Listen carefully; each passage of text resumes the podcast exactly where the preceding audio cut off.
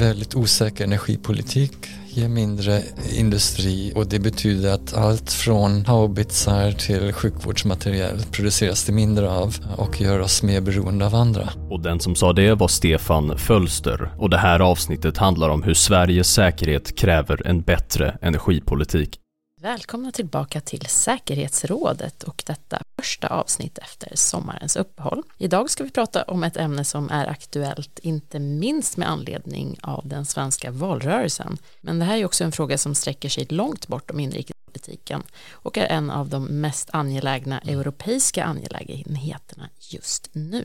Ja, i Europa börjar man tala om en missnöjetsvinter som står framför oss. För även om det fortfarande är sommarvärme just nu så kommer hela Europa, inklusive Sverige, att stå inför en höst och vinter som kommer att präglas av ett sinande utbud och höga priser på el och drivmedel. Och de här frågorna tas upp i frivärdrapporten Svensk säkerhet kräver en bättre energipolitik som gavs ut här på Frivärd eh, för några veckor sedan i somras. Den är författad av Stefan Fölster som är docent i nationalekonomi och leder tankesmedjan Better Future Economics. Eh, och i den här rapporten så står det att tillgången på energi också är en svensk eh, avgörande för svensk säkerhet och vår förmåga att stå emot inte minst auktoritära staters påtryckningar. Och därför är det viktigt att utforma vår svenska och europeiska energipolitik på ett sätt så att vi inte hamnar i en sån beroendeställning. Dagens podd kommer att handla om just det här och med oss så har vi rapportförfattaren Stefan Fölster. Varmt välkommen. Tack så mycket.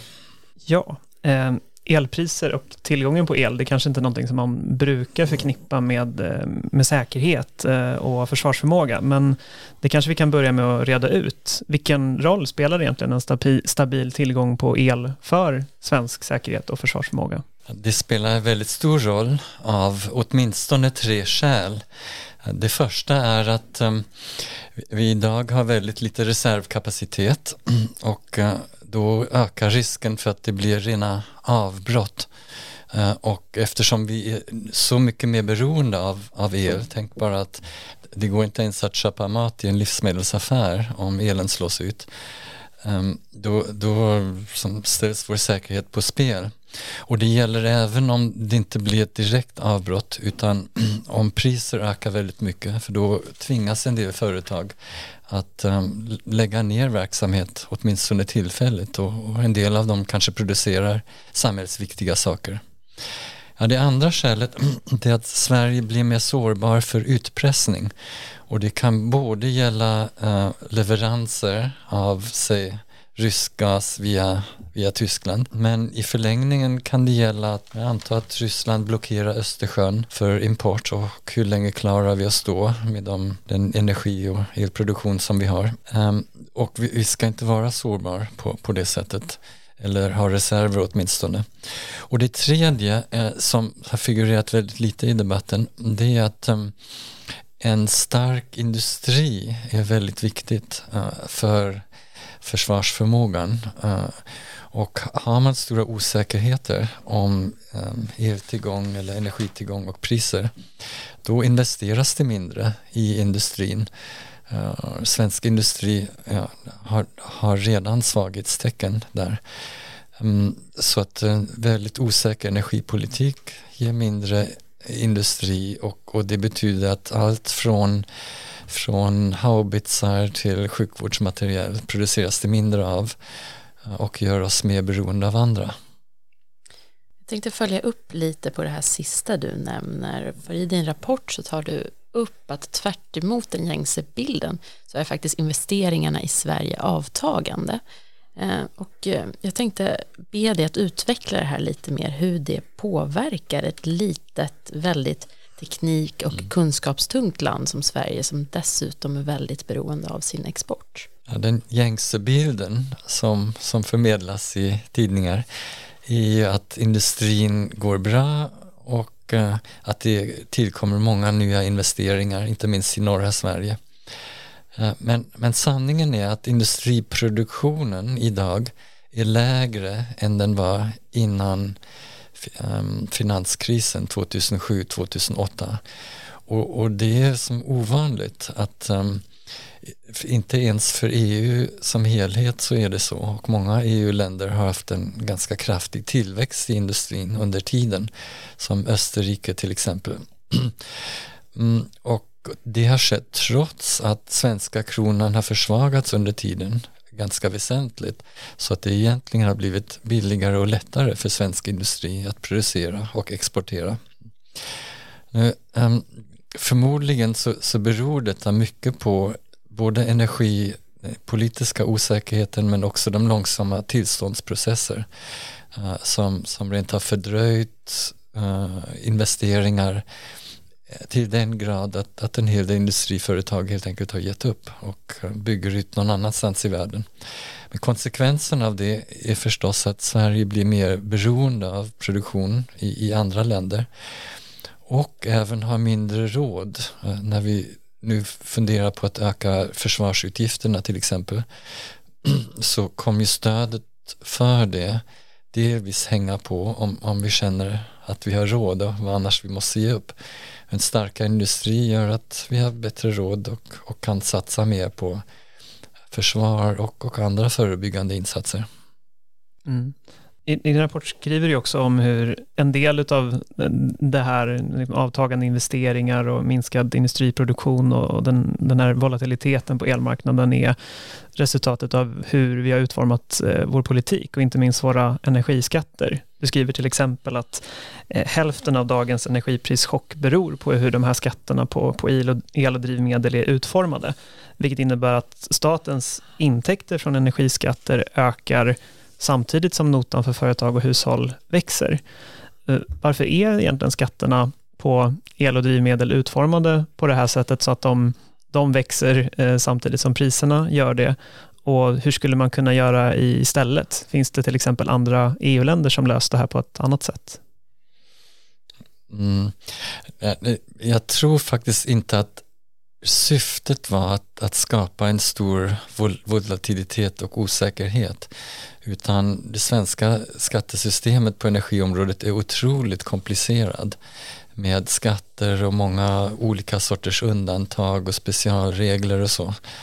Uh, så jag tror att de, de som har velat att vi ska spara fossil energi har um, har dragit till de medel som, som lättast fanns på bordet och då blev det så att man la moms på både energiskatt och koldioxidskatt, alltså moms är en skatt där intäkterna till staten ökar när det blir elbrist eller, eller bränslepriser stiger.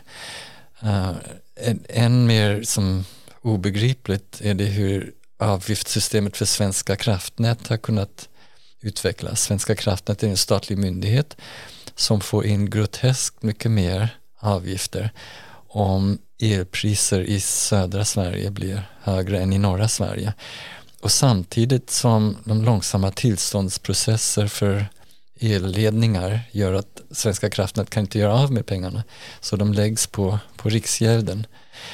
Mm, sen är ju el priset inte någon konkurrensutsatt pris utan det är närmast en monopolpris eftersom staten bestämmer hur många som får producera. Eh, och, och det gör att när det blir elbrist då tjänar alla företag eh, vad som kan jämföras med monopolpriser. Det är alltså inga marknadspriser. Så även Vattenfall tjänar ganska mycket eh, just nu på grund av elbristen. Eh, men tjänade också in en del av det man, man kanske förlorade när man av regeringen tvingades att lägga ner eh, Ringhals 1 och 2. Så, så ja, det, det, är en del av förklaringar som tillsammans bidrar till att dräneringseffekten på ekonomin blir väldigt stor eh, när antingen de internationella priserna ökar eller när elen inte räcker till i Sverige. Eh, så att det blir en bristsituation. Mm. Och fin, finns det andra länder som du tycker att Sverige skulle kunna inspireras av som har, som har gjort det här på ett annat mm. sätt så att de här hävstängerna inte blir lika kraftiga? De, de flesta länder har inte samma eh, hopp, hoppiga eh, elprisutveckling och, och bränsleprisutveckling eh, som Finland till exempel där priserna också stigit men är mycket mer stabila och bland de saker som sticker ut är, är att många länder inte har ett, ett sådant avgiftssystem till Svenska kraftnät som vi har. De har inte infört reduktionsplikten om man ser på bränslen som har drivit upp priser mycket uh, nu. Och, och sen har de inte, eh, det är olika, men många länder har inte begränsat tillgången eller produktionen av el på samma sätt. Även om, om det också finns länder som Tyskland som har gjort det. Mm. En sak som du trycker ganska mycket på i rapporten är just den här volatiliteten och oförutsägbarheten som skapas av, av det prisläge och de mekanismer som finns idag. Och även hur det kopplar inte bara liksom företagen och deras långsiktiga planering men hur det också har effekter på investeringsviljan och i sin tur då på vår förmåga att skapa välstånd och grunden för svensk säkerhet långsiktigt. Kan du utveckla det lite mer?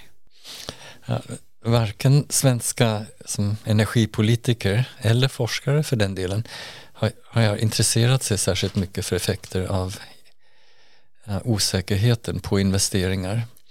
Men, men den internationella forskningslitteraturen är ganska tydligt att, att ju mer osäker det blir um, desto lägre blir investeringarna. Man kan tänka sig att investerare kräver helt enkelt en högre riskpremie om de ska investera. Och det gäller även klimatinvesteringar som, som ju också blir mer, mer osäker. Och eh, paradoxalt nog verkar det också gälla um, såna investeringar i, i reserver uh, just på elmarknaden. Därför att en reserv för ett företag är ofta en slags baskraft samtidigt som staten går in och subventionerar Eh, vindkraft och solkraft som, som bara ger el ibland. Men när de ger mycket el då konkurrerar de ut den där baskraften.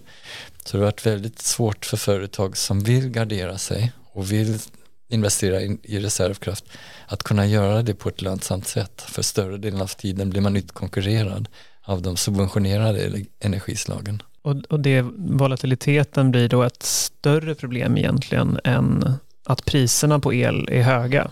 Ja, ja precis. Det, det, är det som eh, det beror förstås på hur höga men, mm. men, men överlag så är forskningens svar att osäkerheten drar ner, minskar investeringar mer. För att om det är bara höga priser eh, men, men på ett mer förutsägbart sätt då kan företag ofta liksom också investera i mer elproduktion eller olika sätt att spara på el eller så. Men, men blir det för osäker då, då kan de inte göra det heller. Mm.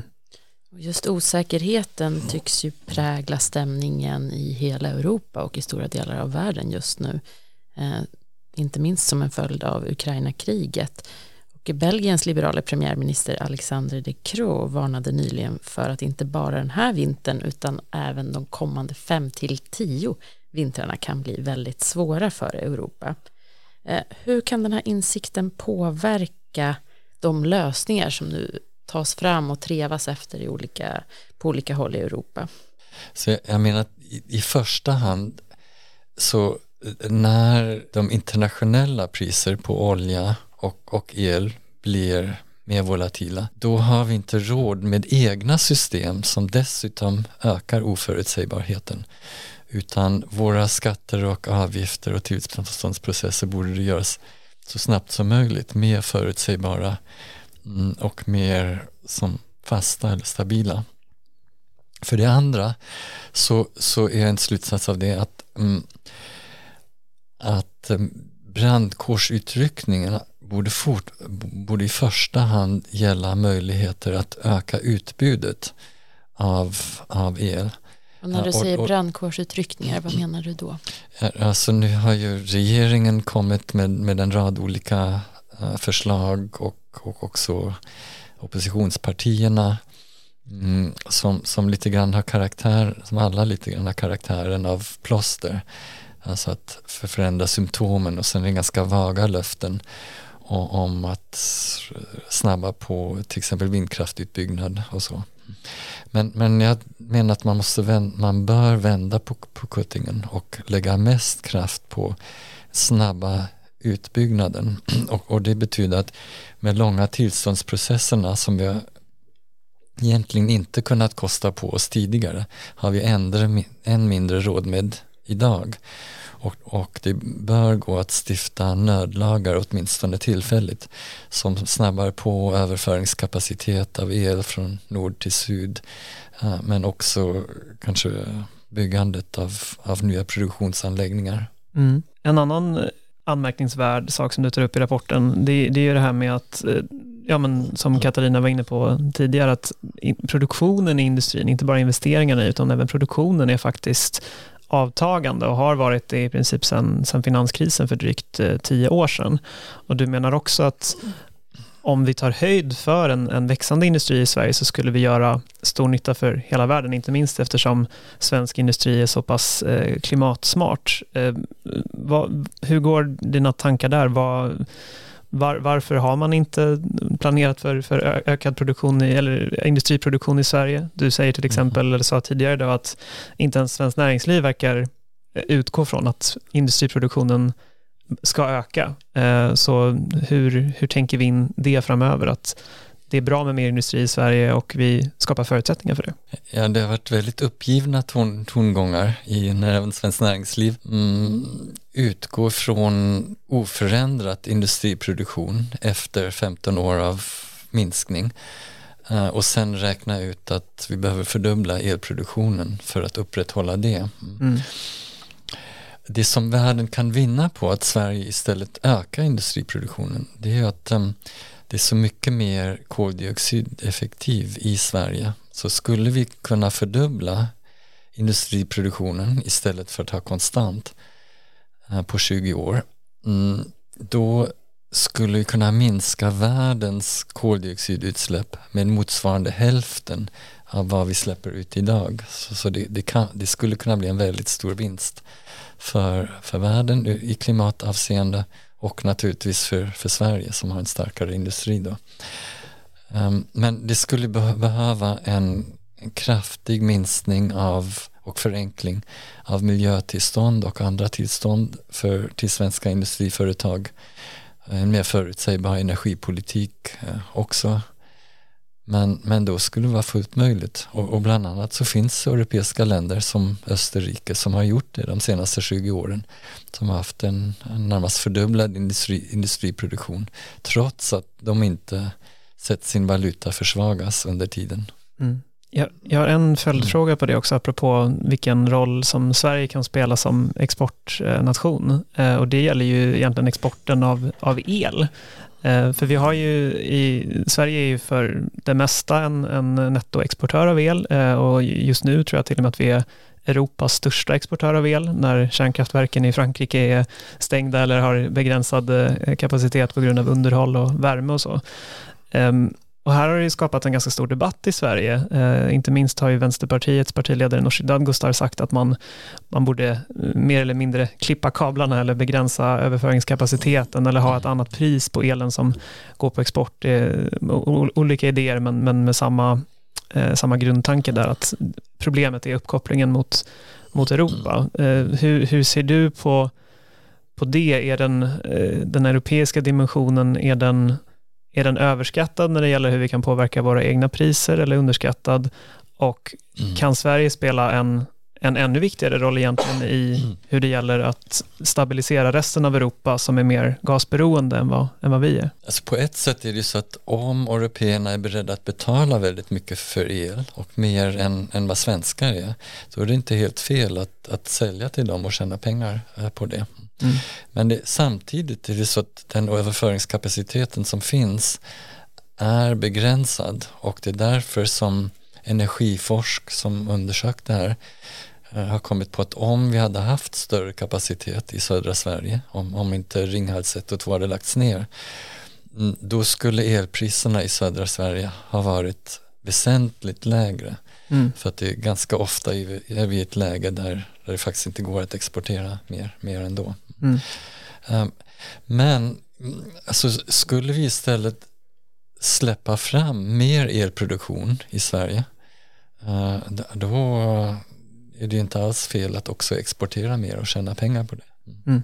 Så det är inte ett nollsummespel med andra ord? Nej, precis. Mm. Nu har vi pratat mycket om vad, var i problemet ligger och, och vad, vad som är själva, ja, men själva problembilden just nu. Men i din rapport så tar du ju fram ett antal reformförslag, framåtsyftande idéer till hur det här kan ändras. Vill, vill du nämna några av dem? Ja, det börjar förstås i, i saker som vi redan har nämnt, att avgiften till svensk eh, Eh, kraft. Nät borde som ändras och göras mer förutsägbart. De borde inte få ta in mer pengar än de kan göra av med till exempel. Momsen kanske bör ersättas av en fast energiskatt. Elskatten bör enligt forskningen avvecklas. Reduktionsplikten också eh, begränsas. Men jag tror ännu viktigare framöver det är att den stora osäkerheten som skapas av klimatmål som aldrig nås eh, och av neddragningar i elproduktionen måste lösas. Och, och därför, ja, därför är mitt förslag att staten ska liksom inte bara komma med vaga löften utan ge garantier för en viss elproduktion att en viss elproduktion också kommer till stånd och att man skyndar på med tillstånds, tillståndsprocesserna så att den kan komma till stånd.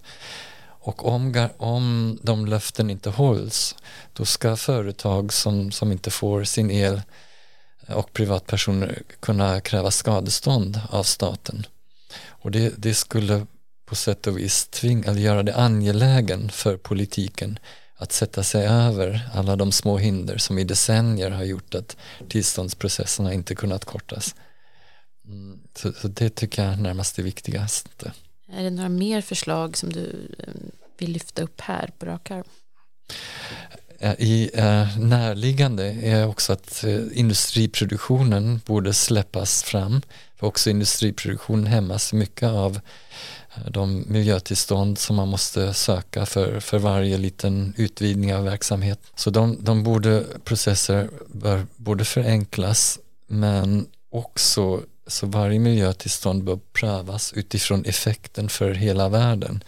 Så att om, om något mer produceras i Sverige och även om den lokala effekten är, är lite mer negativ men, den, men världseffekten är positiv så bör det tillåtas. Uh, inte som nu förbjudas för att uh, en, en mycket marginell uh, lokal effekt står i vägen. Det kanske blir svårt att sälja in till väljarna då som fortfarande sitter på den lokala nivån. Ja, ibland kanske för just de väljare men i, i många fall är det ett väldigt litet antal väljare eller personer som, som driver rättsprocesser som stoppar äh, den utbyggnaden som skulle gagna väldigt många och hela världen och även bidra till att, lösa klimatomställningen.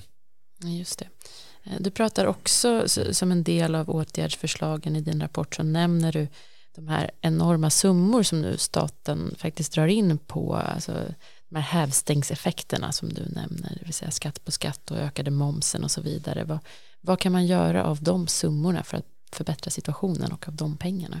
Så jag, jag har viss förståelse för att när elpriserna nu stiger så mycket och, och ser ut att stiga än mycket mer under vintern mm, att alla famlar efter de kortsiktiga lösningar, plåstren. Men eh, jag menar att att det är minst lika viktigt att samtidigt presentera det som, som också långsiktigt fungerar och är bra och klokt. Och, och där finns bland annat att avskaffa elskatten, um, tills vidare dra ner reduktionsplikten till exempel, en, uh, sänka avgiften till Svenska kraftnät um, till, till vad de faktiskt kan göra av med, kanske ersätta momsen med en fast avgift ungefär som elskatten. Mm. Um, ja, det, det, är några av, av reformerna. Und, undvika dubbelbeskattning på kraftvärmeverk som de har idag så att de har incitament att producera mer el. Så det finns en, en hel rad saker som både hjälper kortsiktigt och är långsiktigt riktigt. Och de ska man inte som skjuta upp i ett febrilt letande efter, efter kortsiktiga subventioner. Så hela tiden hålla ögat på målet någonstans trots att vi, vi i Sverige och stora delar av Europa upplever situationen som akut och behov av lindring nu, nu, nu. Ja, ja, men om man tar till exempel regeringens högkostnads skyddsförslag att där vill man ju behålla det absurda avgiftssystemet som Svenska kraftnät har och sen använda pengarna i ett gigantiskt bidragssystem med regler som ingen kan veta på några månader och som kan ändras längs vägen eh, hipp som happ. Så det minskar knappast osäkerheten även, även om det blir ett litet tillskott av, av tusenlappar under vintern. En sak som, som du nämner också är behovet av och det, det, här hör vi från, från många håll, från politiskt håll också, men behovet av att investera i elnätet och utbyggningen och överföringskapaciteten. Eh, är det någonting som du kikar på i din rapport också, hur det kan göras?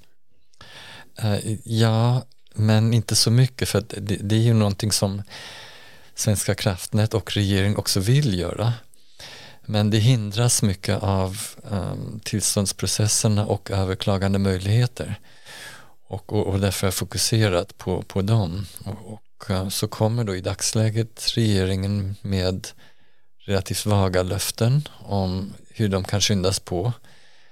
Eh, och, där menar jag att måste det till mycket mer skarpa instrument som skyndar på. Eh, och som rent av skulle kunna ta sig formen av nödlagar under en avgränsad tid som gör att man kan klippa delar av processen. Eh, men, men som också skulle skyndas på av att staten ger garantier för, för vad man utlovar och som, som människor kan kräva in i form av skadestånd om det inte fungerar. Tror att det kan finnas en fördel, att det kan komma någonting gott ur att den här energifrågan och tillgången på energi nu börjar ramas in mer och mer som en, som en säkerhetsfråga. Att det faktiskt kommer någonting ur det som, som kan vara konstruktivt, att vi nu inser att vi kan inte ta det här för givet och det är också en fråga om att öka motståndskraften mot andra typer av, av hot än bara elbrist i sig. Jag hoppas det, men, men jag trodde faktiskt också det efter uh, tsunamin och de stora skogsbränderna och på något sätt visar sig att Sverige gång på gång åker dit när nya kriser inträffar mm. och, och, inte har förberett sig. Men, men någon gång borde ju poletten ramla ner, att det lönar sig att, att förbereda sig och, och ha reserver i många avseenden. Mm. Och, och kanske är det energidebatten och elbristen som, som får det att hända.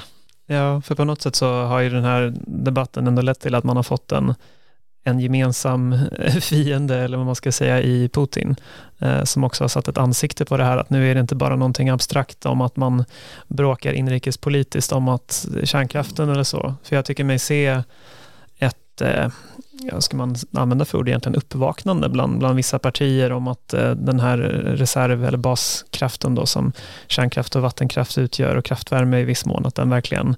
behövs. Tidigare så har det ju varit eh, så mycket låsningar kring kärnkraften, men nu är till och med Centerpartiet och Miljöpartiet ändå öppna att man, det här är en del av energimixen och kommer behöva vara det framöver för att vi, vi klarar oss inte annars. Mm. Så det, det tycker jag ändå är ett tecken på att någonting har, har hänt nu som inte har hänt tidigare.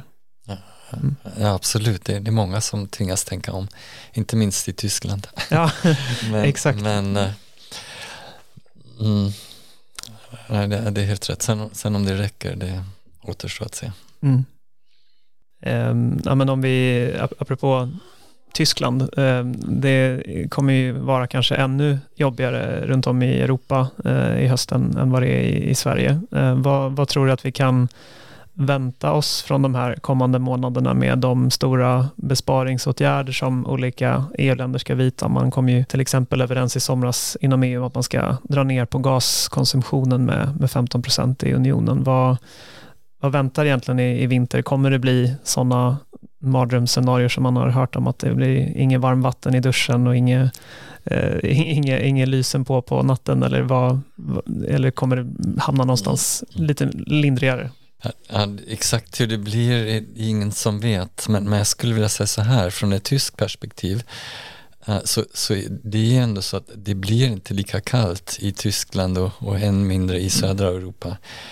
Um, så att för, för hushållen kan det bli liksom jobbigt, men, men inte kritiskt skulle jag vilja säga, på samma sätt som det skulle vara i, i Sverige där, där inte bara vi kan frysa ihjäl utan vattenledningar fryser och, mm. och det blir stora skador. Och, och det gör att att um, ja, det kan bli tufft för tyska konsumenter men de är i viss mån inställda på det.